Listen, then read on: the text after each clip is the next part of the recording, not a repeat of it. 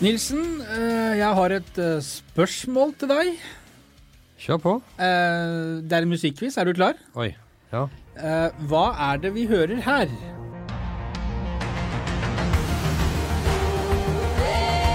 Det er tippeligafanfaren, eliteseriehymnen. Dette er Highas a Kite sin eh, eliteseriehymne som ble ny før 2017-sesongen. Ja, det gjorde han sikkert. Ja. Men det er jo et fint anslag gjerne til derfor at Viking eh, rykka ned da i 2017. Likte ikke den, de. Ville ikke ha den. Nei. Det er jo et fint anslag eh, på dagens podkast. Vi ønsker hjertelig velkommen til Ja, nå var du kreativ. Ja, vi prøver jo.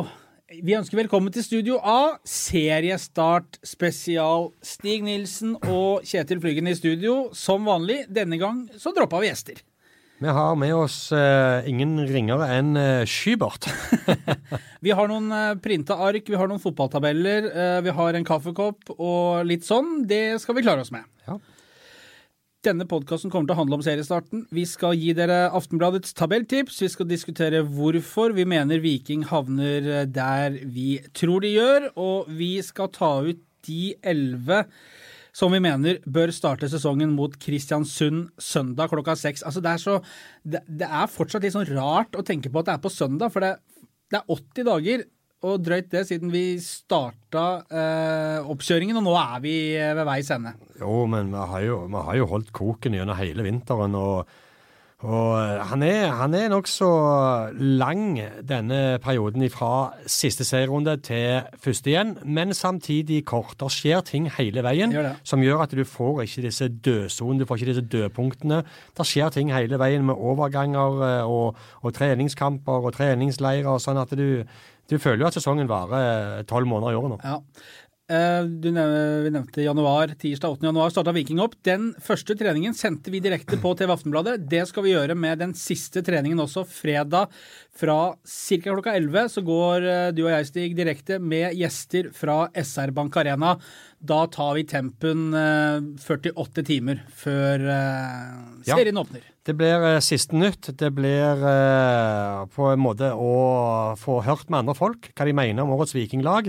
Hvor vi kan plassere dem på tabellen, hvor er styrkene, hvor er svakhetene. og eh, det, det er jo veldig mange som lurer på etter nedrykk i 2017, opprykk i 2018, hvor står laget? Har ikke forsterka seg nevneverdig, kvitta seg med en del, slanka troppen litt. Det er i det hele tatt mye å ta tak i. Og vi får med oss aktuelle gjester, vi får intervjuer og alt mulig sånn fra Vikings trenere og spillere.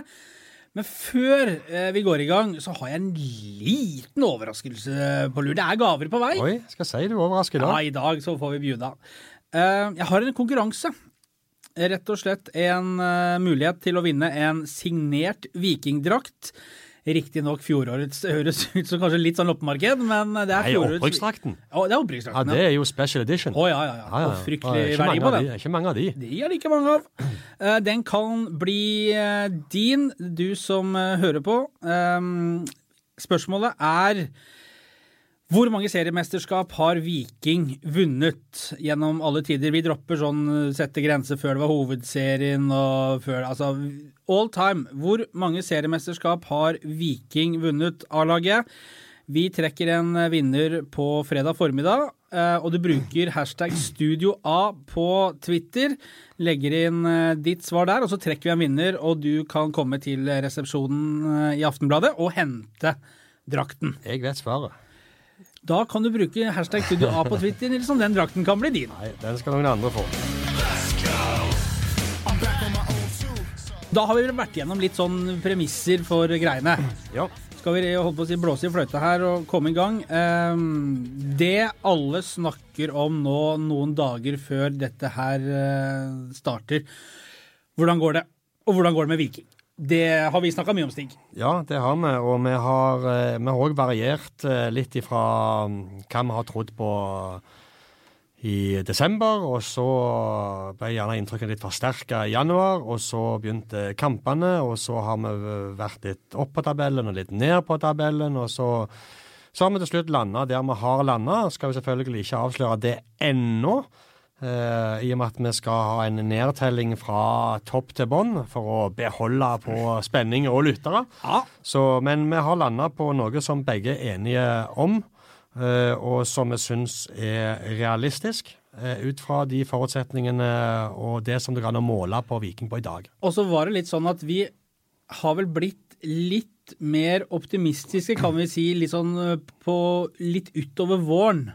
Ja, det, det var det jeg var litt innom, at vi har, eh, vi har veksla litt på hva vi mener. Men grunnholdningen til Viking eh, og det som er årets tropp, den har vært den samme hos meg hele veien. Det er at det er, det er skjørt. Det er potensial, samtidig offensivt. Det er noe med laget eh, når de viser det i perioder, men eh, jeg ser òg helt klart faren for at eh, eh, hvis mange faktorer slår inn samtidig for Viking eh, som, som, kan gjøre det usikkert, så kan, det, så kan summen av det bli, eh, bli drøy. Men det gjelder òg motsatt vei. Så, men vi kommer tilbake til Viking. Det er jo litt sånn når vi har uh, sittet her og bladd i uh, overgangslister og tropper, og vi ser hvem som hører hjemme hvor og hvem som henter hva, så kan du jo få litt vondt i hodet når du i tillegg da blar tilbake til Vikings. For de har da henta Runar Hove fra Florø. De har kjøpt Aksel Oskar Andresson fra Redding, som var på lån i fjor. Og så har de fått Samuel Fridjonsson på lån fra Vålinga. That's it. That's it, ja.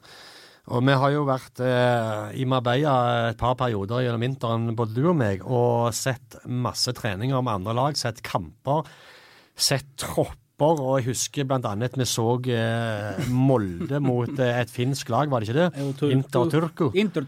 Og hvor da altså Molde mønstra en elver i første omgang som kunne vært eh, en medaljekandidat oh, ja. i Eliteserien, ja. og bytta alle i pausen og mønstra en ny elver som kunne omtrent vært medaljekandidat i Eliteserien. Ja. Og da satt de to, de to beste spillerne var fortsatt ikke på banen. Andreas Linde, bare for å ta det, Andreas Linde, Eirik Ulland Andersen og Mattis Bolli de var ikke, Det hadde ikke skifta. Og så har de i tillegg nå for et par dager siden kjøpt Ohi Omoyuanfo. Korrekt. Fra Stabæk. Og Det forteller litt om eh, ressursene, det forteller litt om bredde i tropp, det forteller om dobbeltdekning, det forteller om kvalitet, det forteller om ambisjoner. Og det forteller dessverre historien om Viking som har blitt litt akterutseilt i forhold til en klubb som Molde, som holder til oppe i havgapet og så veldig Veldig få bryr seg om der oppe. Det var få som brydde seg om de, ja. Ja. Det er jo altså, klart Molde som jo har, eh, har pengesterke folk i ryggen som ikke er redde for å åpne eller ta av strikken, så, så har det jo ikke blitt noe enklere for konkurrentene når Solskjær har havna i Manchester United og kronene fortsetter å renne inn, og det kan komme 80-90 millioner til hvis han får jobben i United permanent. Da kan du hente Hvis. sånne typer spillere. Når. Når han får den jobben permanent. Eh, ok. Um, Leder dette oss hen til tabelltipset? jeg lurer på rett og slett om vi skal eh, starte, og siden du Dette her går jo på Det er ikke flat struktur, dette her, Stig, så du får gi oss seriemesteren. Aftenbladet seriemester for 2019. Jeg tror, vi tror at etter fire strake gull til Rosenborg, så er det duka for et tronskifte på toppen av den norske eliteserien. Tror Molde tar gull i år. Eh, de har riktignok ikke sett så enormt vass ut i alle treningskampene, men når de har tatt ut det beste laget eh, og fått fart på det og, og virkelig trødd til, så har Molde sett fryktelig, fryktelig bra ut. Og, og bare, bare se, som vi var innom, se på den troppen til Molde. altså der er Blant, blant de 20-25 spillerne der, så tipper jeg at nesten samtlige der hadde gått inn i dagens Vikingelver. Ja. Og det, og, det, og det forteller litt om, om styrkeforholdene mellom klubbene og hva kvalitet de har å by på. Men jeg tror Molde, jeg tror Molde tar gull i år. Sånn som de gjorde fra, i 2014. Da vant de serien med 11 poeng, så jeg husker, foran Rosenborg. Og jeg tror ikke det blir så stor forskjell i år, men jeg tror Molde tar gullet. Og hvis vi ser på hva Molde har uh, henta, så har de også henta inn Erling Knutson fra Lillestrøm, en av Lillestrøms beste spillere. De har henta Fredrik Sjølstad fra Kongsvinger. Eh, Ikke at han kommer til å være noen dominerende kraft, tror jeg, i det Kongsvinger-laget Nei, han har riktig kom- enda. Hadde han kommet til Viking så hadde han fått spilt, det tviler jeg på at han får gjort så mye av i år. Og så har de henta Eirik Ulland Andersen fra Strømsgodset, Martin Bjørnbakk, som er en habil eh, eliteseriestopper. De har henta Kristoffer Haraldseid, en av Norges beste høyrebacker. Og de henta Mattis Bolly fra Greuther Fürth i Tyskland, har vel slitt litt der nede. Og så har de henta OI da på tampen. Og i tillegg så kan vi jo nevne de har en Vegard Forren, de har Kristoffer Haugen, de har Magnus Wolff Eikrem, Eirik Hestad. Absolutt. Et fryktelig mannskap. Erling Moe kan ta dette laget i, til gull i blinde. Ja. Jeg tror ikke det er langt unna, i hvert fall. Det, det tror jeg det fort kan skje. Ja. Fredrik Sjølstad, vi så jo han eh, Vi skal snart gå på, på lag nummer to, men vi så jo Fredrik Sjølstad i den nevnte kampen Molde spilte i Marbella her litt tidligere i vår. Eh, da hadde Sjølstad vært ute lenge med den skaden som han slet med også da, da Viking hadde kontakt med han. Så ikke, så ikke all verden ut da, Sjølstad? Han så utilpass. Han ble ja. overspilt. Han fant ikke, fant ikke plassen sin på banen. Klart å spille i Kongsvinger, uh, hvor du er nummer seks som styrer det meste, og komme da til, til Molde, hvor du, hvor du, blir nummer 16 eller 17 i troppen, det, det er en enorm forskjell på rollene han får i laget. Og Så skal jo òg lagkameratene venne seg til de nye. De skal stole på dem. De, skal vite hva de er gode på. Det, men, men Molde tar gull. Jeg tror vi hopper videre. Lag nummer to. Da skal vi eh, en drøy times kjøring, ja det er vel litt mer kanskje også, nordøstover. Du er ikke kjent oppi der, Nilsen, alt, men jeg alt har Alt nord fra Bergen er Nord-Norge for meg. Det var Nord-Norge. Ja. Vi skal i hvert fall til Trondheim, og lag nummer to er Rosenborg. Ja. Eh, var faktisk, eh, vi var litt i tvil på om vi skulle plassere dem ett hakk lenger ned. Ja. Men, men eh, vi har fulgt med såpass lenge i norsk fotball at vi vet Rosenborg alltid å regne med. Eh, finner du, du leter jo alltid etter svakheter hos Rosenborg. Er det et eller annet hos Rosenborg som ikke minner om det de en gang var? Eh, har de mista noe et eller annet her eller et eller annet der? Eh, så, så, så vektlegger du alltid det ganske tungt. Men du vet, Rosenborg finner alltid fasong i løpet av en sesong. De har ressursene, mm. de har kravene rundt seg til å gjøre endringer. Men det store spørsmålet med Rosenborg i år, det er jo hvor fort klarer Erik Horneland og Karl Oskar Emberland å få innført sin måte å spille fotball på, og er det en stil som Rosenborg-fansen aksepterer og spillerne adopterer. Det syns jeg er hovedpoenget med Rosenborg. Og den kampen meg jeg så i Marbella mellom Brann og Rosenborg, mm. så var Brann ganske så overlegne Rosenborg i alt på banen. Da så Rosenborg tunge og, og trege ut. Men det har vært en litt sånn strabasiøs eh, vinter for Rosenborg med trenerbytte Altså Rini Kolen skulle ut, og så kom Horneland og Embeland inn. Og så var det jo rettssak med Kåre Ingebrigtsen. Det har vært mye sånn utenomsportslig rør eh, der oppe den vinteren her. Spennende ja. å se om det har hatt noe å si. Jeg tror ikke spillerne sitter og følger med på det og, og, og tar det inn over seg, men Jeg hadde en ganske lang prat i Spania med både Arild Østbø og Jan Erik Delané. Og, og, de skrøt veldig, veldig av, av Horneland og Emberland Eh, hvor tydelige de var. Altså hvor De kom med selvtillit, eh, med friskt engasjement, eh, ny, ny, ny, giv. Hadde innført på en måte et friskt pust i klubben, og, og skrøyta veldig av de. Så jeg tror bare de må få litt tid. Altså Dette var jo en overgang som skjedde for en måned eller to siden. sant? Og det, det der ordner seg, det er jeg nokså sikker på, men jeg tror ikke det ordner seg tidsnok til at de rekker å ta gullet. Eh, apropos dette med å ha ressurser, sier du. Kan jo se litt på hva Rosenborg òg har forsterka, men de har jo allerede gode spillere i alle posisjoner. De, André Hansen, Tore Reginiussen, Even Hovland eh, altså, Det er ikke noe vits å ramse opp det, folk kjenner det laget veldig godt. Eh, de har også eh, hentet Gustav Walsvik fra tysk fotball. Gjermund Aasen fra Tromsø. Han er jeg svak for, må jeg innrømme. Jeg syns det er en spennende spiller. Og så har de henta David Akintola på lån fra Midtjylland, som er en uh, Midtjylland i Danmark ut uh, denne sesongen, som er en Hornland-kjenning. Og så har de jo din mann på topp, Nilsen. De har jo Niklas Bentner. ja, hadde jeg vært Horneland, så hadde ikke Bentner spilt. Det kunne like godt plassert han i Litt stygt sagt, men du kunne like godt plassert han som, som vakt ut forbi stadion, fordi han står veldig mye i ro. Det, men det er klart Benta med sin tilstedeværelse, og han oser jo en aura. Det oser jo, det oser jo klasse av han. Men jeg syns det går for lang tid mellom hver gang han putter den innsatsen som skal til bak det. Eh, og så glimta han til, og det er, ingen, det er ingen tvil om hans potensial og klasse. Men, men jeg, jeg, liker ikke den type spillere som er primadonnaer og som ja, men, Er ikke i Bentner, du? Nei. Et lag skal fungere og jobbe for hverandre, og det er jo litt av det Rosenborg-kulturen er. Mm. Eh, og jeg syns Bentner i sitt eget hode er for stor for Rosenborg, og det syns jeg skinner gjennom på banen. og det, det, Jeg liker det ikke. Morsomt at uh, da han hadde, var ferdig med å sone denne straffen sin etter å ha klint ned han taxisjåføren i Kjøben, så så ble det jo mer til at han kom tilbake i sin beste fysiske forfatning eh, på 12-13 år. Men likevel så ble han da ikke funnet plass i, verdig i kamptroppen i generalprøven som Rosenborg spilte i Sverige nylig, fordi han hadde et for tynt grunnlag. Spennende å se hvordan, om, om, om Hornland kan få, få opp Bentner, for i fjor så var det, var det tynt fra Bentner. Det var det, og for min del så kan det bare være tynt i år òg. De har Søderlund, og vi vet at de er interessert i Veton Berisha, så vi tror ikke vi skal bekymre oss for Rosenborg.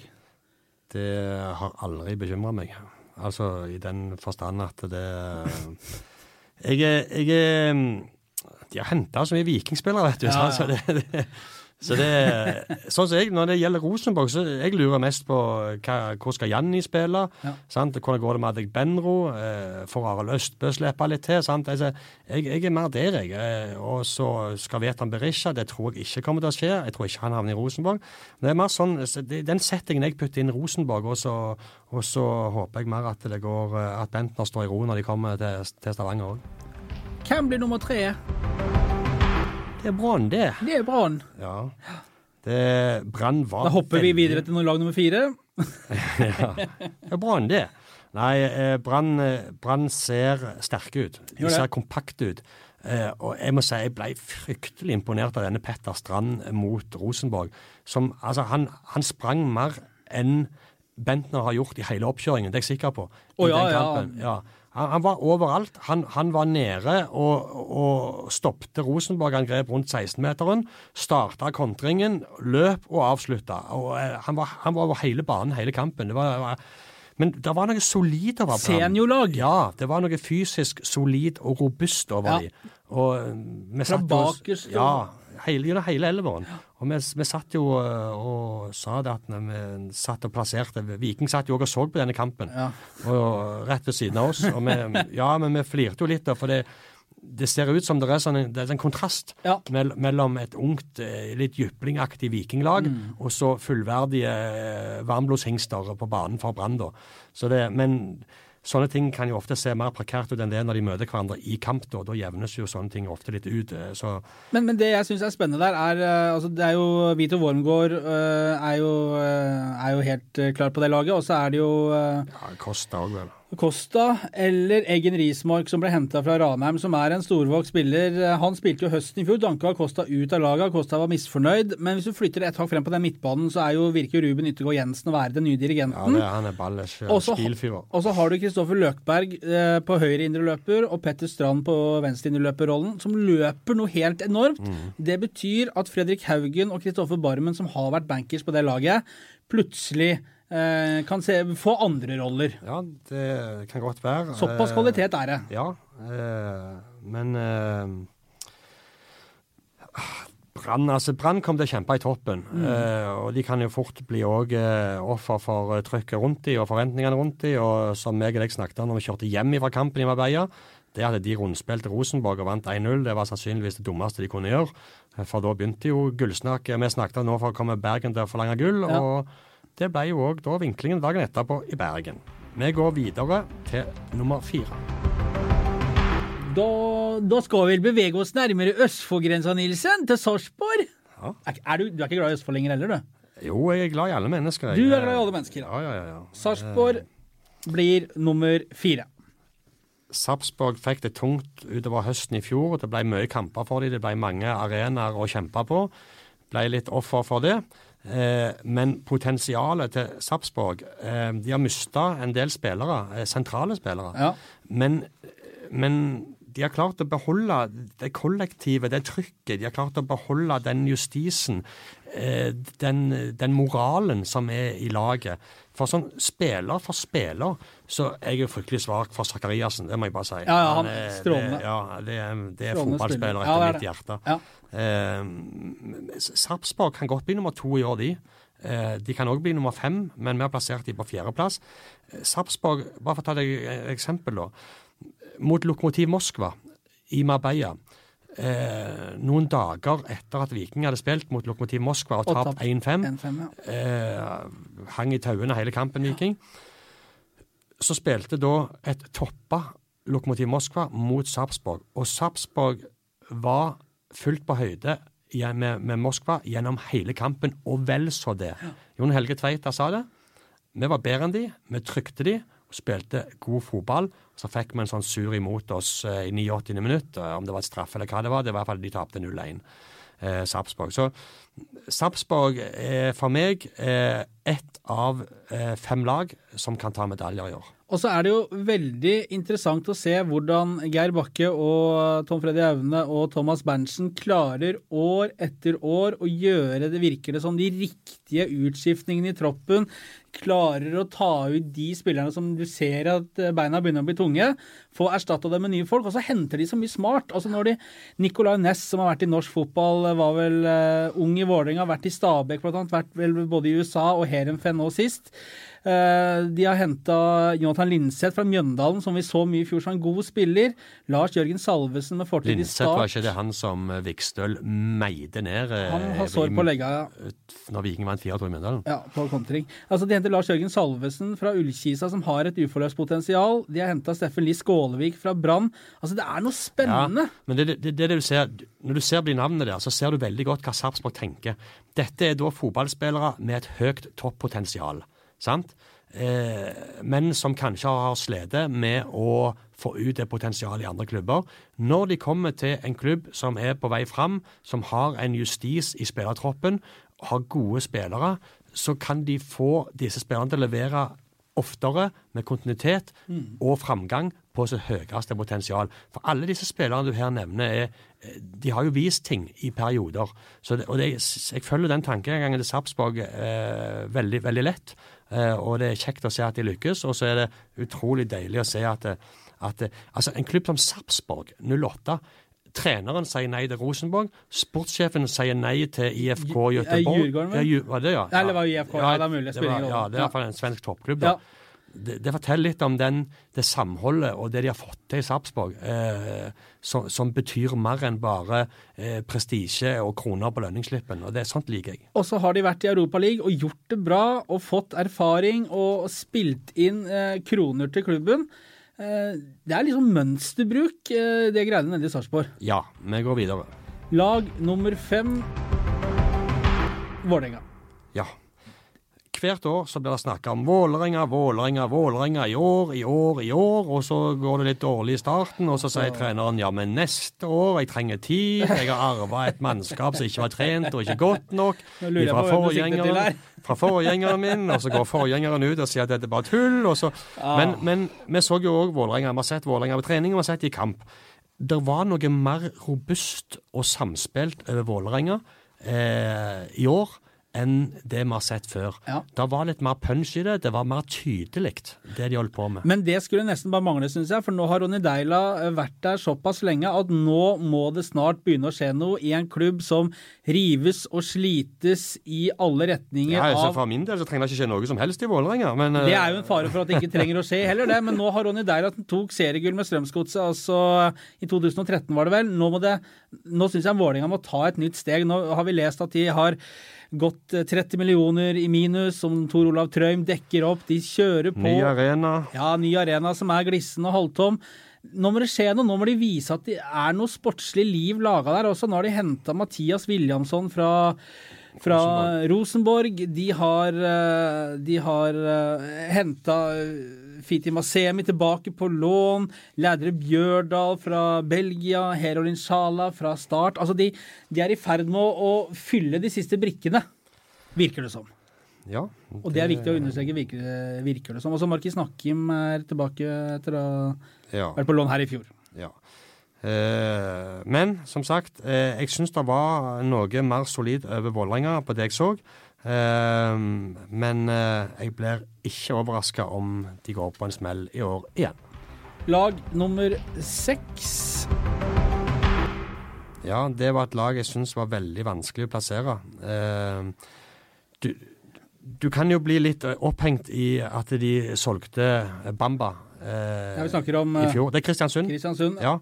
Eh, jeg eh, syns det er noe det er noe med Kristiansund som gjør at jeg har lyst til å plassere de eh, ganske mye lenger ned på tabellen. Mm. Du venter bare på at det skal falle sammen, at det, at det ikke er godt nok. Men fakta er at Kristiansund har vist at eh, de har Det er litt sånn Sarpsborg Light, føler ja, jeg, over. Kristiansund. Enig. Ja. Eh, og gode signeringer. Finner nye spillere.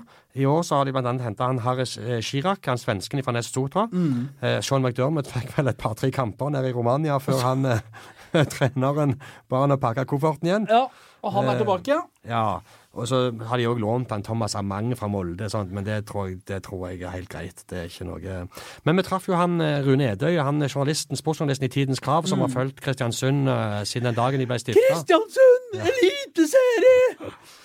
Og, og han, han sa at årets lag var bedre enn i fjor. Ja, han sa det. Og Ja. han følger de svært tett. Og Ja. det er få som har bedre oversikt over Kristiansund enn han. Og så har de Christian Mikkelsen, som eh, virker som en stødig, jordnær, flink fyr som jobber og står på, og de får det til. Det er et voldsomt engasjement i Kristiansund. Alle samles liksom rundt Alle står bak de. Det er ikke noen forventninger, det er ikke noe press. Altså For hvert år Kristiansund overlever i Eliteserien, så vil Christian Mikkelsen bli hylla. Ja. Og det er langt, langt eh, andre forutsetninger enn det veldig mange av de andre lagene har. Men Kristiansund var gode i fjor. Ble vel nummer fem, gjorde de ikke det? Kristiansund ble nummer fem i fjor, ja. Det, Ja. De havna på 46 poeng, så det var, de havna liksom et lite stykke bak Haugesund på fjerde og et lite hakk foran Vålerenga på sjette. Ja. Vi, vi tipper de på sjette. Så går vi videre. Lag nummer sju. Da skal vi til uh, Telemark. Vanskelig å plassere Odd òg. Ja, det er det. Odd er lag nummer sju, tror vi. Odd er et sånt lag som aldri har gitt meg noe. Altså det, det, de, de er liksom aldri helt oppe i toppen, de er aldri helt i bånn. Liksom midt på. De har havna et lite hakk bak liksom topp tre, fire, fem-laga. Men samtidig gode nok på sitt beste til å slå alle. Veldig skuffende i Ja. fjor med niendeplass. Ja da. ja da. Men jeg er helt enig, det er et lag på, på sitt beste, så, Så hadde sikkert Fagermo noen veldig gode forklaringer på den niendeplassen i fjor òg. Han har forklaringer på det meste. har det. Eh, Men, men Odd sånn, sånn cirka midt på. Ja. Eh, tar mye poeng hjemme, eh, uten tvil. Eh, jeg tror Odd Vi sier at de blir nummer sju, og så går vi videre. Bare si det at de har henta Egil Selvik, eh, keeperen Ja. fra Sandnes Ulf. eh, Meget spennende. Og så har de fått tilbake Fredrik Olderup Jensen og Sander Svendsen på lån fra Hammarby. Men jeg så at eh, Egil Selvik ble jo solgt fra Sandnes Ulf til Odd for 700 000 ca. Kan bli opp i en million. Men eh, jeg hadde da på en ganske klar indikasjon på at han keeperen, han Rossbakk, skulle vekk. Men han har nå forlenga i Odd. Eh, og hva, det, hva det betyr for Egil Selvik, det er jeg spent på. Lag nummer åtte. Og et lag som det blir snakka veldig høyt om før sesongen begynner, og så roer det snakket seg ned kraftig etter hvert så serierundene går. Det er Lillestrøm. Lillestrøm, ja. Ja. Jørgen Lennartson. De hadde jo en, eh, en tung sesong i fjor. Tolvteplass. Eh, ja, de var jo nedrykksstriden eh, omtrent to-tre runder før slutt. ja, de er tre poeng over direkte nedrykk og kvalik, så Ja. det var så vidt båten bar det. Ja, det var det. Eh, litt sånn samme båt som Vålerenga. Det er, mangler ikke på ambisjoner, og det mangler ikke på snakk i forkant, men, men så, så skuffer de som regel. Eh, men jeg tror at eh, en åttendeplass for Lillestrøm, det, det tror jeg er innenfor, innenfor rekkevidde. Og Lillestrøm er nok kanskje et av de lagene Det er jo alltid et lag som overrasker. Ja. Så kan du godt si at det vil ikke være det om Lillestrøm gjør det, men i, men i lys av fjorårsplasseringen så vil det jo være det, da. Lillestrøm er et lag som jeg hører veldig mange sier at de blir bedre i år, at de blir regna med i år. Men jeg, jeg, jeg, må, jeg må se det før jeg Ja, tror det. Altså. må for se det. De har mista Erling Knutson òg, han var viktig for dem. Og, og, men det er klart det er noen islendinger der som har fått litt mer, eh, litt mer tid i LSK. Og, og, men de har jo mista en del spillere òg, så det, jeg, for meg er Lillestrøm en sånn eh, klasse med Odd og midt på der en plass. Frode Kippe, evigunge Frode Kippe fortsatt med. Eh, De har jo Thomas Lene Olsen på topp, som er en sånn timålsgarantist på et vis. Eh, Men eh, kan det bli både fugl og fisk egentlig med, med Lillestrøm? Det har vært store utskiftninger. Du nevner Erling Knutson. Det er flere der som har gått ut. eh, Litt sånn halvhøy som er borte, men en uh, Ifeani Matthew på midten er borte. Uh, Stefan Antoniewicz var vel ikke noe bærebjelke der. Midtstopper er borte. Men uh, store utskiftninger i hvert fall for Jørgen Lennartson. Ja. Vi går videre. Lag nummer ni. Strømsgodset. Ja. Eh, De har litt å bevise. ja, det er en klubb som, eh, som eh, har skuffa, eh, og som eh, ut fra laget på papiret har langt mer kvalitet i navnet enn det de har fått ut. Eh, skikkelig trøblete. De òg var jo med i nedrykksstriden og lå i bånn og vaka i, eh, i, fjor. Gjorde det. Ble vel De, nummer 13 til slutt, gjorde Ble de ikke det? 13, ja. Ja. Eh, og eh, rot med trenere og som går og blir syke, og Bjørn Petter Ingebrigtsen som nå har tilbake igjen. og eh, De har solgt Ulland Andersen til, til, til Molde. Jeg eh, mange eh, altså, av de bærebjelkene i godset. Eh, når du sier det, så Kim André Madsen er borte. Han har jo vært, eh, vært en av de som har dratt lasset. Espen Bugge Pettersen har lagt opp. Ulland Andersen nevner du. Tokmak er borte. Det har skjedd litt. Ja, det har det. Men Strømsgodset sitt toppnivå er godt nok for topp fem. Eh, Båndnivået deres eh, gjør at de kan havne omtrent der de var i fjor, på 13.-plass. Jeg tror det blir en salig blanding av de to eh, gjennom sesongen, og at de havner på 9.-plass. Det er ikke noe tvil om i hvert fall at en Markus Pedersen der, som ikke hadde noen stor sesong i fjor, der må folk eh, opp i ringa hvis ikke Godset skal få en ny, ny tung sesong. Lag nummer eh, Er vi på Tiende. Tiendeplass? Er det, er det, er det Connys Engler? Hva gjorde du i går, da? Haugesund Ja. på plass nummer ti. Nylig slått av Viking. Eh, Viking vant 4-0 i generalprøven eh, på søndag. Det var ikke noe god, det var ikke noe god attest for eh, Jostein Grindhaug å gå det, altså. Jeg har en veldig fornemmelse av at eh, det er litt kaos i den klubben. Som Grindhaug òg sa, riktignok med et godt smil eh, i intervjuene før kampen med Aftenbladet, men, men han har tatt over klubben etter å ha vært sportssjef, så har gått tilbake til trenerjobben etter at eh, Horneland Emberland ble solgt til Rosenborg. Jeg er nok litt sånn på at eh, det virker på meg som om Grindhaug går litt rundt og tenker på hva i all verden er det jeg har eh, tatt på meg. Det er bare til å peise på. Nei, det er ikke det, ser du. Det var det før, i hvert fall. Nå har de tapt 0-4 mot Odd, 0-4 mot Viking og 0-3 mot Brann. Det er de eneste tippeligalagene de har møtt i, eh, i oppkjøringen. Eh, De har kommet eh, desperat i siste liten for å prøve å kjøpe Kent Håvard Eriksen fra Sandnes Ulf. Kan vi også skyte inn at de forhandlingene brøt sammen i går kveld. Eller det vil si tirsdag kveld. I dag er det onsdag, ja. Og at det ikke ser ut til å bli noe der. Men det at de nå, etter å ha røket 0-4 fra Viking, og at de har spilt mot Sandnes Ulf i Karmøy Storhall, prøver å kjøpe han, det, det forteller litt om en form En er ikke panikk, men de er iallfall ikke fornøyd med det som har skjedd så langt. Så, eh, men, og det som var mest skuffende for meg med FKH, eh, når jeg har sett de, det var, jeg, jeg, jeg, ser, jeg kjenner det ikke igjen i denne denne fightingen, denne krigingen. Det var jo Viking som sto for den. Altså, Viking tok jo på mange måter FKH med samme mynt Ja. som FKH normalt tar Yes. Viking og andre lag på. Yes. Men jeg kjente ikke igjen den der feitinga, jeg syns midtbanen var litt sånn puslete. Er litt veik. Ja, Ja, og- Sondre og- Bruno ja, Leite spilte der mot Viking. ja. Kan fort være de som starter sesongen nå. det, det blir litt for veikt for meg forhold til FKH sin spillestil, eh, og det, de, og det som har vært varemerket deres. Så de har hatt en dårlig oppkjøring. eh, Og jeg blir ikke overraska om FKH havner i båndstriden i år. Ble nummer fire i fjor. Og så har de jo Martin Samuelsen, dette store, store talentet som vel har vært litt sånn att og fram med På leie fra Westham. på leie fra Westham frem til sommeren. De har jo henta mye nytt i forsvarsleddet. Mikkel Desler, eh, Tidemann Hansen som måtte inn etter drøyt 20 minutter mot Viking pga. en alvorlig kneskade. Niklas Sandberg har de henta fra start. Spennende å se hva de kan få ut av han, for det er jo en spiller som tilfører litt på gode dager.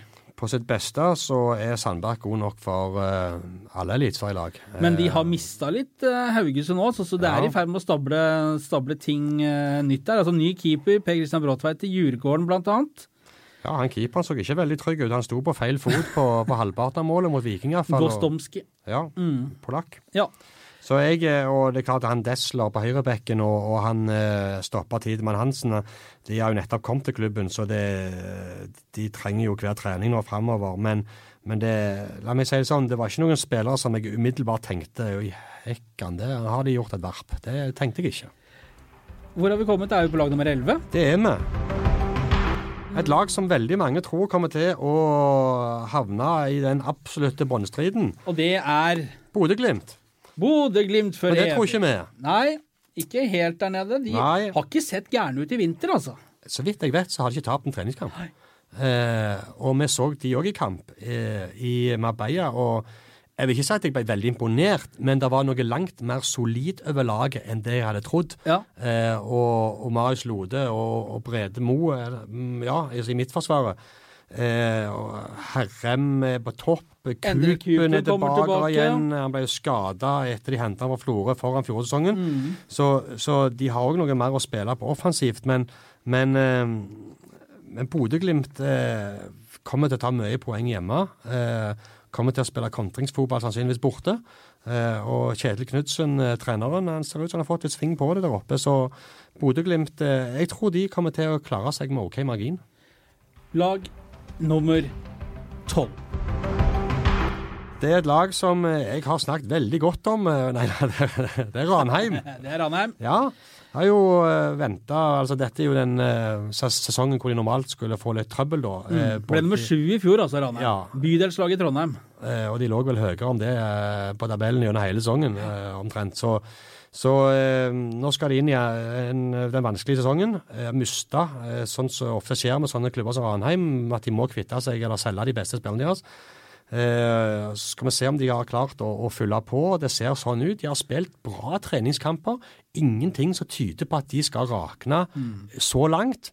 Eh, så vet du jo aldri hva en dårlig sesongstart gjør med et lag, men, men jeg har en feeling på at Ranheim klarer å klore seg fast i år òg, altså. Svein eh, Målen og, og Frank Lidahl som, som styrer eh, greiene i Ranheim, har jo mista Kristoffer Løkberg og eh, Eggen Rismark til Brann. Ja, og så von Wittry òg. Han òg er vekke. Han er Ja. til Sverige. Han, Ja. Det er en spiller som jeg likte. og så har de jo hentet en klassespiss i Ivar Solli Rønning, som har vært i Hamar-kameratene.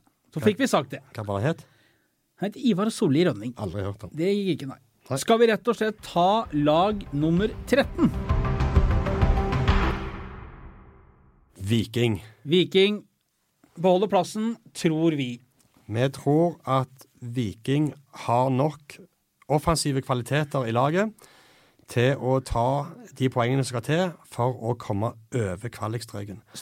Jeg lurer på om vi rett og slett Skal vi bare ta de siste lagene, og så skal vi ta en litt grundigere vurdering av Viking? God idé. Ja. Ja, det pleier å komme av og til, så Ja, ja. Lag nummer 14, da.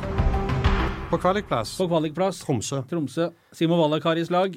Elendig avslutning på sesongen i fjor. Ser ikke ut til å ha forsterka seg med noe som i alle fall jeg drar kjensel på. Masse utenlandske navn som ikke jeg kan, eh, som ikke kan gå god for. Eller som ikke vil klare å eh, plassere inn i et lag i norsk fotball. Ja. Så der er det eh, noen usikkerhetsmomenter. Er det litt finner og litt sånn eh, lokalt. der? er Ja, det er litt av hvert i Tromsø som har, som har kommet til. Så jeg, jeg tror at Jeg tror at de eh, kommer til å fortsette den dårlige trenden fra i fjor. eh, Og Tromsø er jo sånn historisk sett et lag som reiser litt opp og ned i divisjonene. Og de har mista Gjermund Aasen. Tom Høgli har lagt opp. sant? Landu Landu. Ja, han er vekke. Han har spilt jo ikke han så mye i fjor. da, Magnar Rødegård. Ja. Og henta noe mm, fra rundt omkring her og der i eh, forskjellige kontinenter. Så Tromsø på kvalik. ja, jeg tror det. Tror Hvem da, for de som er gode til å telle og huske godt, så sender vi da ned to lag. Og det første nedrykkslaget Mjøndalen. Mjøndalen. Ja. Takk for sist og takk for i fjor. ja. God tur ned igjen. Jeg tror eh, altså, Forrige gang Mjøndalen rykte opp, så, så hadde de en entusiasme og eh, en go i laget. Eh, slo mye gode lag, eh, spesielt hjemme. Men eh, jeg tror nok at Mjøndalen eh, over en lang sesong med 30 kamper tror at de vil få veldig problemer med å, med å holde plassen igjen. Eh, jeg tror nok det er ganske lav odds på at de havner blant eh, de, de to nederste. Morsomt. eh, De har altså henta en Fredrik Brustad. Det er jo en spiller som eh, er eh, kvikk, og det er mulig å få fart på han. Og så har de hatt noen fæle keeperproblemer i Mjøndalen. Vegard Hansen og guttene der har eh, hatt eh, skader og henta Julian Faye Lund på lån fra Rosenborg eh, for, for å stille med noen i mål, så ikke Gauseth eller noen andre måtte ta hanskene. Men er det, er det Ocean på, snart 40 år som skal skåre målene for de i år òg? Ja, Brustad er vel eh, Ja. også en kandidat. ja. der fremme. Men, det, som er, det som kan tale til Mjøndalens favør, bare for å ta kort om det, det er at eh, treneren, Vegard Hansen, han har begynt å bli veldig rutinert nå og kjenner klubben. og Han er helt sikkert godt forberedt nå på, på hva som venter i Eliteserien. Eh, han har jo trent i 13 år. Jeg tror gjerne det er 14. sesongen hans som Mjøndalen-trener. Han flytta inn på stadion, og Hansen har rett og slett flytta inn i penthousen ja. bak det ene målet. Stemmer det. Han hadde kjøpt den rett før vi var på den bortekampen, ja. så Viking vant 4-2. Og... Bodde vel før i Vikersund, tror jeg, og hadde en madrass på ene kontoret i klubblokalene. Ja. Nei, så det, Han puster, lever og puster og ånder med, med, Mjøndalen, så det Men eh, jeg, eh, jeg tror nok det bærer ned igjen for Mjøndalen, ja. Sammen med Stabæk. Stabæk er eh, vårt tips og siste lag ut på tabellen. Blir nummer 16, tror vi. Blytungt for Henning Berg og co. Ja, de eh, redda seg med nødskrig eh, gjennom kvalifiseringskampene mot Ålesund i fjor. Vant vel 1-0 hjemme. Lå unna 0-1 borte mot Ålesund, helt til Ålesund-spilleren Habib fant ut at han skulle nikke ballen i eget mål. Eh, og dermed så, gikk, eh, så beholdt Stabæk plassen, eh, på, og, og Bohin måtte ta et nytt år i, i førstedivisjon. Men, men nå solgte de òg Ohi eh, til, til, Molde ja. så tett opp mot sesongstarten. Jeg, jeg, jeg synes det er litt sånn, Nå vet ikke jeg hvor mye penger som er involvert i den overgangen, men jeg håper inderlig for Stabæks del at det var mye. Jeg håper det. Ja, For det, det er litt sånn så å selge en mann som du er så avhengig av, det, det signaliserer et eller annet som ikke jeg er noe glad i. og det ja. Og, så har de jo Frank Boli fortsatt, men det er vel grunn til å tro at han øh, kan bytte klubb enten de siste timene som er igjen, eller til sommeren. Og har jo i tillegg mista folk som Håkon Skogseid, Moussa Jai, Daniel Granli, Abubakar Keita, Jon Hausæter. Altså det er en del ja, men borte. Så er, de, så er de flinke på å utvikle spillere òg i Stabæk, men, men, det er klart at eh, når du skal kjempe i bånden gjennom en hel sesong, så er det gjerne lurt å ha litt rutine. Noen som har vært med på det før. Hanke Olsen, Ola Brynildsen, Bjørkeie. Det er, eh, er ikke sikkert, eh, i hvert fall de to siste, er klare til å dra. Nei alt lasset alene. Vi sender det, sender det, ned, og så kan vi bare se for oss ansiktet til Henning Berg utover sesongen hvis det blir liggende der. Ned med Stabæk. Det var uh, eliteserietipset vårt uh, eh, 2019. Og 13.-plassen på Vikingstig. Uh, vi var Vi har justert de opp bitte litt. Ja. Vi var inne på en tanke her om at de gjerne skulle havne lenger og nærmere nedrykksstriden, da. Ja, men så er det jo sånn. Eh, så slår de Haugesund 4-0, og så kan du bli litt blenda av det. sant? Haugesund var sild i den kampen. Ja, var det. Eh, og Viking var gode, og de var flinke til å utnytte det som Haugesund var dårlige på. Det skal Viking ha kred for. Så tipper vi FKH på tiendeplass, og så tipper vi Viking på trettendeplass.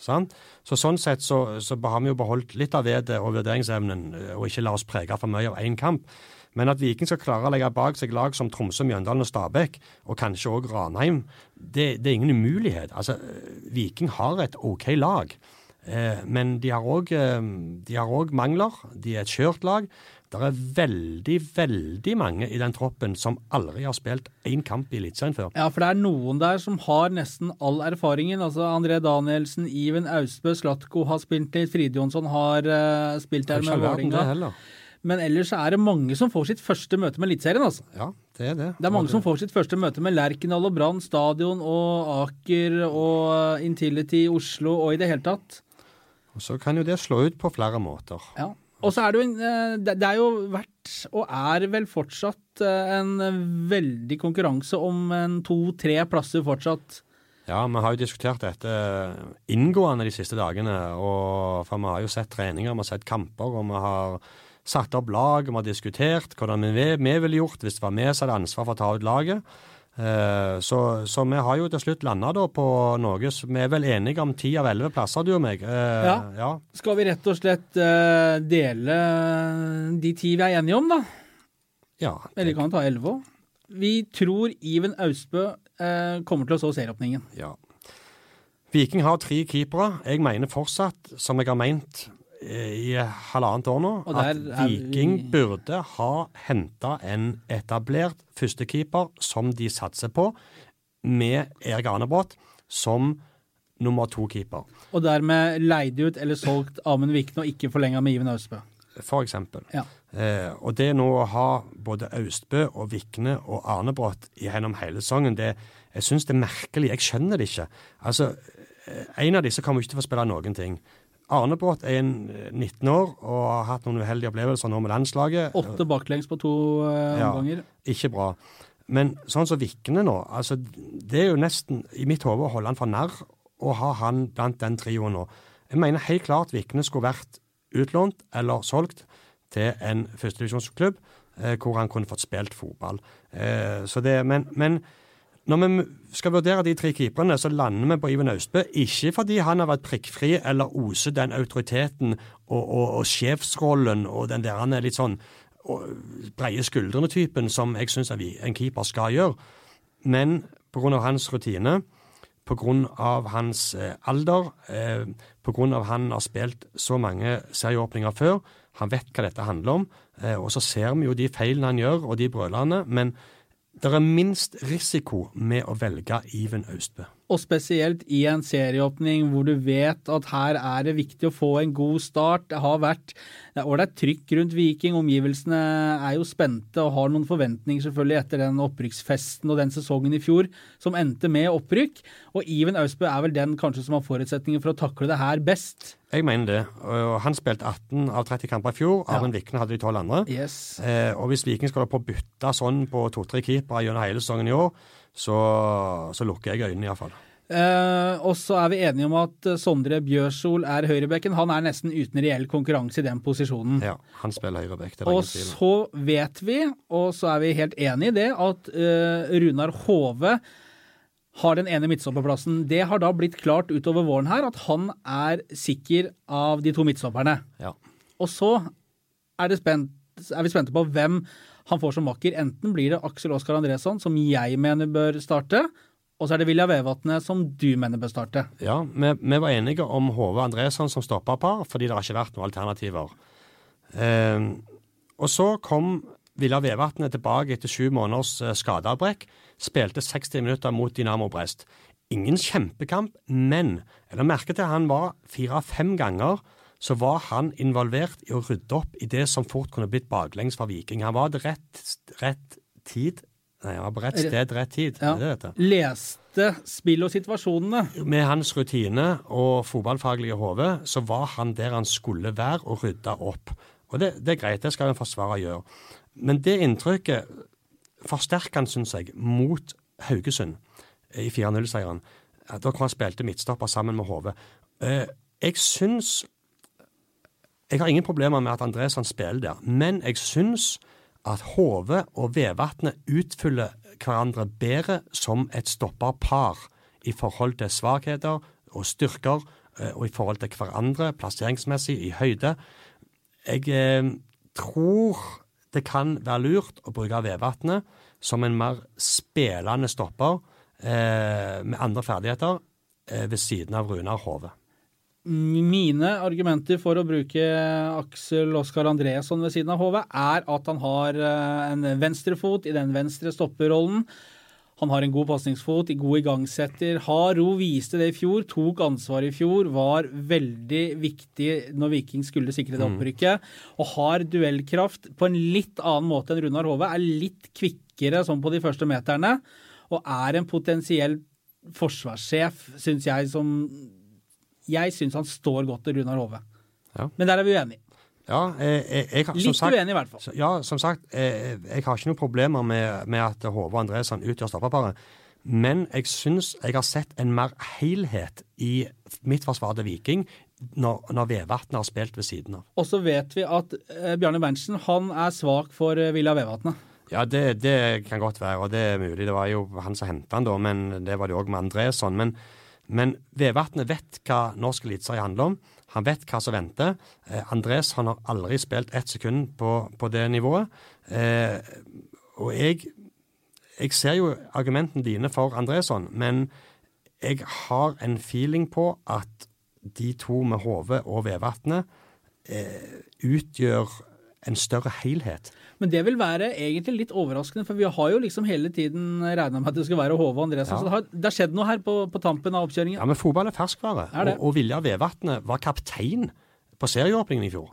Altså han, han øh, Og så ble han skada, og så han kommet tilbake. Da som venstreback. Ja, eh, der, der, jeg syns han er mye bedre som ja, stopper enn venstreback. ja. Ja. Så, så jeg, jeg, jeg Det kan godt være det blir Andresson, men hadde jeg vært Bjarne Berntsen, så hadde Vevatn Andresson ligget og murra i bakhovet mitt helt fram til søndagens uttak av laget.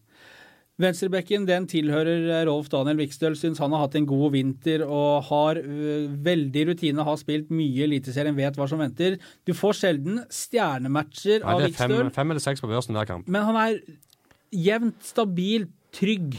Ja, han er det. Jeg. Syns òg det. det. Han er på laget. Vikstøl er på laget. Høyre indreløper, vinterens beste vikingspiller, Christian Thorstvedt. Han forventer vi oss mye av. Ja, det, det er jo en evig, altså det, Dette kan bli en eventyrhistorie. Ja. altså Det er jo ikke mer enn et drøyt år siden faren Erik ringte til Viking og spurte om sønnen kunne få komme til å trene litt før han skulle reise til utlandet for å studere. USA spiller, Ja. spiller der, da. Ja, collegefotball. college- ja. Og så sto vi og så på han i Vikinghallen, og så ble det kontrakt. Og så ble det en haug med mål og en haug med assist. Og så forlenga de han i det stille i fjor ja, sommer. Ja, ja, ja. Årets nykommer, kåra.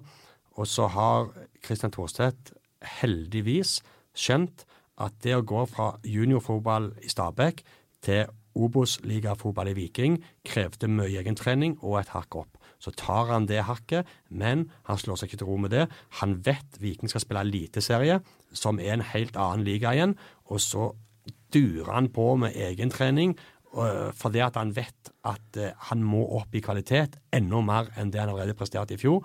Og hvis Thorstvedt klarer å ta det nivået fra Stabæk juniorfotball eh, i, i 2017 til å bli en markant skikkelse på Viking Eliteserien i 2019, så, så har han gjort en enorm jobb, og der har Viking et prospekt. Og så er det jo sånn at han er en del av kapteinsteamet nå. Har spilt med arm, med, ikke med armen i bind, men bindet rundt armen. Ja, Han har jo han har sånn skosnor i håret òg, han. Ja, han har det. Det er du også glad i. Eh, han har vært eh, kaptein litt i vinter og har, har vist seg som en F, mer effektiv spiller. Det går eh, kjappere i lengderetningen og har gode valg, målfarlig, blitt litt mer fysisk robust. Han har jobba, han har jobba i vinter. Ja, det, det er det jeg sier. Det er bra, det. Han har ikke vært fornøyd med det som har skjedd. Han Nei. skal videre. Og så har vi eh, midtbaneankeret, den defensive midtbanen. Eh, Vi er enige om Samuel eh, Fridjonsson. Han det er der han har spilt, det er der han skal spille. Han kan spille 30 kamper ganger 90 minutter for Viking der. Ja. Jeg syns han var Jeg Syns han var best med en gang han hadde kommet. Syns han har forsvunnet bitte litt ut nå i det siste. Veldig mye skal innom Fridjonsson. Eh, han falt veldig mye langt ned i banen for å hente ball. Eh, og i forhold til den sekserrollen så kunne jeg tenke meg at han bitte litt høyere oppe, for han har strøken pasningsfot. Han har et godt hode, og slår gode pasninger. Så, men, men Fridjonsson spiller, så det, der, er det, der er det ikke noe særlig alternativer. Nei, og så er det jo litt sånn også, tenker jeg, måten Viking spiller på. Hvis han er dyp, så må den indreløper fra motstanderen gjerne ned og følge han. Det vil åpne seg en rom for Thorstvedt og indreløper nummer to, Yldren Ibrahimai. Ja, og det er jo en fare med det, den trioen for Viking, at de kan tømme seg og bli overløpt på midtbanen. For det er jo tre spillere som alle liker å ha blikket framover. Eh, og, og Thorstvedt og Ibrahimai, det er jo spillere som eh, som òg liker å sette fart med ballen og se etter offensive løsninger og komme inn i skåringsposisjon sjøl. Og at den midtbanen til Viking kan bli litt tømt med enkelte anledninger, det er en balanse som de skal være litt oppmerksom på. Ibrahimai henta fra Mjøndalen i fjor sommer, da som kantspiller har blitt omskolert rett og slett til å bli en god indreløper. Husker Morten Jensen sa det veldig tidlig, at jeg kunne tenke meg å se han som indreløper. Den rollen har han løst, og er kvikk og har spillforståelse og, og har kapasitet òg. Vært god i vinter. Ja, har vært god i vinter, og er jo da den som spiller fordi Jonny Furdal er ute med den fotskaden som det ser ut som han aldri blir kvitt. Nei, det går fortsatt en stund før han er tilbake igjen. Det samme gjelder Even Østensen. Jeg spurte han på trening i dag om hvor langt unna han var, og han sa at han hadde fått beskjed om at eh, innen to-tre uker så kunne han nok delta for fullt på treninger igjen. Men han har begynt å spille litt på treningene, så han er, han er på gang. Men to-tre uker så er han i gang for fullt igjen. Uh, og bare for å ta det, vi venstrekanten er Slatko Tripic sin og ferdig pruta. Han spiller der. Ja, ja, ja. Han gjør det. Ja. Og så er Tommy Høiland spissen. ja. Og så Det er jo ikke noen andre, så. Nei. Nei. Og så er det har vi, er vi, vi er enige om Stig Symer Butichi på høyrekanten. Ja, Det ser ikke ut som vikingtrenerne er, er helt enige. Nei, og ikke sikkert de er enige seg imellom heller. Nei, men nå skal de få svaret. Eh, Osman Saleh har blitt prøvd der. Osman Saleh har Det har skjedd noe med vinter. Han har i perioder vist at han har et potensial på den høyrekanten som eh, er mer enn godt nok for Eliteserien. Men Osman Saleh har ikke klart å bli kvitt, syns jeg, effektiviteten som må til for laget. Den siste berøringen til Osman Saleh, om det er en skudd, om det er innlegg eller den siste driblingen, så går han seg for mye fast som ikke kommer til glede og effektivitet for laget. Så jeg ser at det ser ut som Viking har prøvd og prøvd og ønsker å få til at Saleh skal funke, men for meg så er den helheten Syma Betychi gir den plassen, fortsatt et hakk over det Osman Saleh gir deg i lengden. Det interessante med Osman Saleh er jo at han er vel egentlig den eneste bakromsspilleren Viking har i den frontrekka si. Med den farta han har, så kan Fridjonsson slå han igjennom, midtstopperne kan eh, slå han igjennom, indreløperne kan tre han igjennom. Og det er det ikke så mange av de andre som har, selv om både Tripic har fart og Syver har fart. Men Osman Saleh er et eh, uromoment når han får Ingen tvil om det. Men hva skjer da når han har blitt slått igjennom? Yes. Sant? Det er jo det vi snakker om Og det er ankepunktet hans. Ja, altså Syma, hadde, hadde Syma Betychi blitt slått igjennom like mange ganger, så hadde Betychi skåret på syv av ti eh, med, med keeper, alene med keeper. Jeg tror Osman Saleh maks én eller to.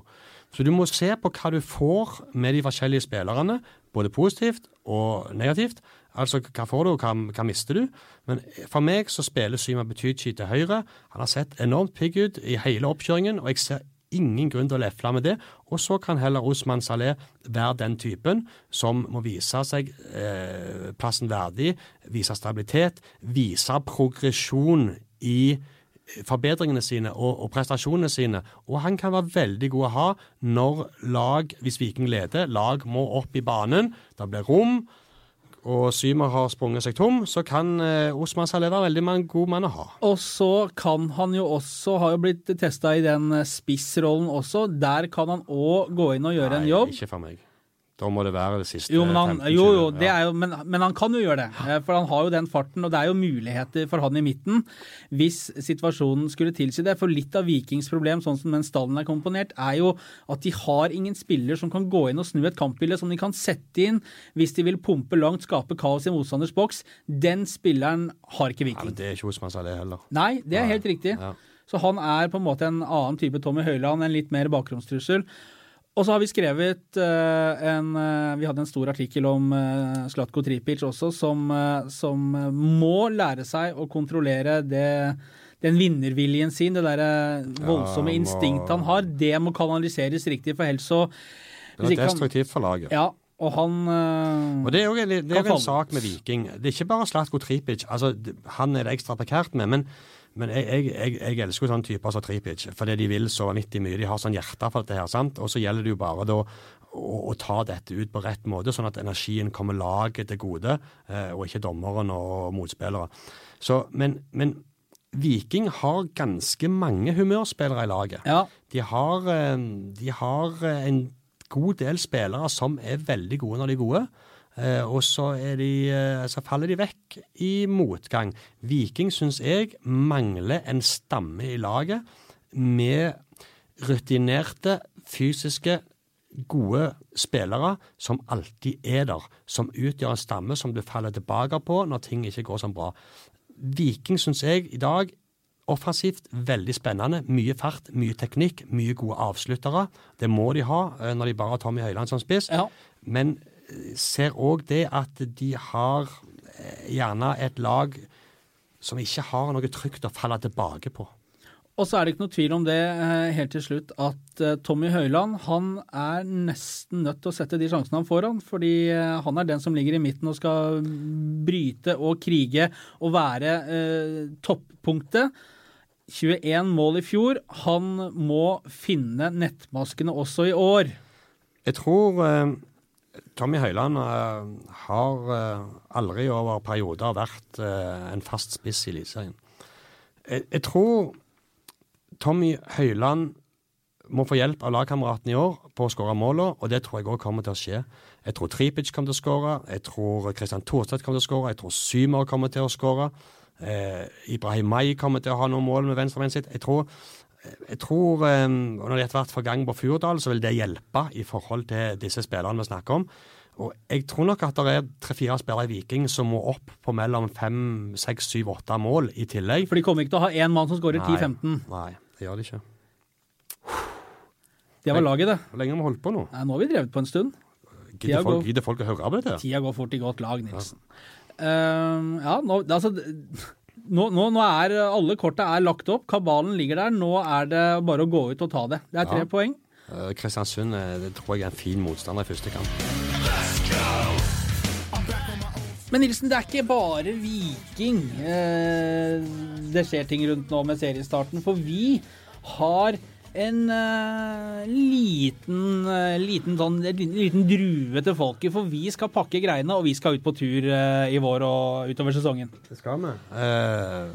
Som jeg har skrevet i en artikkel i dag, at toppfotballen i distriktet de får mye oppmerksomhet og god dekning. Nå skal vi òg kikke nedover i 3., 4. og 5. divisjon, og har lansert et konsept som heter Lokalfotball live, hvor vi da skal sende åtte lokaloppgjør gjennom sesongen. Direkte TV-sendt på aftenbladet.no med kommentator, ekspert, studio, grafikk, repriser, to kamera, gjester. Vi skal ut i distriktene og lage eh, Fotballfest. fotballfest for småklubbene ned gjennom divisjonene. Eh, og jeg håper at det kan bli eh, noe som blir godt mottatt, og en attraksjon. Og dette er noe vi skal snakke mer om i en podkast i neste uke. Så det betyr altså i den grad vi har Og da må gjester med. Ja, har vi gjester med. I den grad vi har en produksjonsbuss som vi eh, laster inn utstyret i, så pakker vi inn der og setter kursen. Og gi oss et par av matchene, da, så folk kan Ja, få begynne glede seg. jeg, har ei liste med kamper på som er er gode lokaloppgjør, hvor du, kan hive, hvor du kan hive snøball fra den ene til den andre banen. Men, men eh, jeg har lyst til å holde den litt for meg sjøl. Fordi at eh, vi må se ting an utover sesongen. Plutselig dukker det opp en anledning, et eller annet som gjør at vi må endre på planene. Og da er det noen som blir leie seg, og det vil vi jo helst ikke Hei. gjøre. Men vi begynner med eh, lokaloppgjør i Sandnes eh, neste uke, torsdag 4. april, mellom Austrått og Hana. Oi, altså, oi, oi. det er i fjerdedivisjon. Eh, og der kommer det kjekke gjester, og det blir en kjekk kamp. Og jeg vet Austrått er i gang med å mobilisere for å fylle opp på Iglemyr. Eh, jeg har spilt kamper på Iglemyr. Jeg oi, oi. fryktelig tungt der når det regner, altså. Det, men eh, vi begynner der, og så har jeg bestemt altså, Finnøy, Kvitsøy. Jeg kjenner bare liksom, jeg kjenner gleden i hele kroppen. Femtedivisjon. Altså første gang begge lagene er i femtedivisjon eh, og møtes Øyduellen. Det er Her kommer folk rett fra kontorer og jobber innom benseren og tar en pølse rett på match. det er ikke kontorer der ute, vet du. Der er det drivhus. Og der står vi ferdig og koblet opp for å gi fotball tilbake til folket. Yes. Noe sånt. Så det, det, og det, det var vel 24. juni den kampen var, så vidt jeg vet. Og så har vi, vi, har, vi har muligheter her, altså. Der er, jeg kan bare nevne litt sånn der er Synde mot Randaberg, for eksempel. Oi. Det er et oppgjør i fjerdedivisjon som framkaller følelser. Eh, Så jeg, nei, men vi, stopper der, og så skal vi snakke mer om det i neste uke. Og så kan vi også legge til at vi fortsetter eh, suksessen med sendingene våre fra de første rundene i cupen. Ja, det gjør vi. Eh, Cup Extra. Første runde er 1. mai. Det er en onsdag 1. mai. Da kjører vi Cup Extra eh, med den vanlige sendingen vår med gjester i studio og folk på arenaene og kjører eh, fullt show. Det så gjentar vi det høyst trolig eh, onsdag 22. mai eh, i andre runde. Eh, et lite forbehold i det. Nå kan jo ikke alle lagene bli slått ut i første runde, da, i og med at det er lokale lag som møtes. Men, men, men, men, men vi prøver å kjøre de to første rundene over med Cup ekstra. Og det, der har vi 15 000-20 000 seere som sitter og ser på og, følger med. Og det har blitt en, en, ei, ei greie som vi selvfølgelig skal fortsette med. Det er mye å glede seg til utover våren og sommeren, men aller først så er det eliteseriestart. Vi sender live fra Vikings trening på fredag. Vi dekker Vikings serieåpning mot Kristiansund i alle kanaler, holdt jeg på å si. Vi følger kampen live eh, på våre nettsider via Tekstlive. Alle reaksjoner, alt om Viking, eh, og alt om de heteste oppgjørene i lokalfotballen. Aftenbladet er det eneste mediehuset som har egne dedikerte reportere som er til stede hver kamp Viking spiller, om det er treningskamper, om det er hjemmekamper eller det er bortekamper. Vi skal gi deg det meste om Vikings comeback i Eliteserien. Vel bekomme!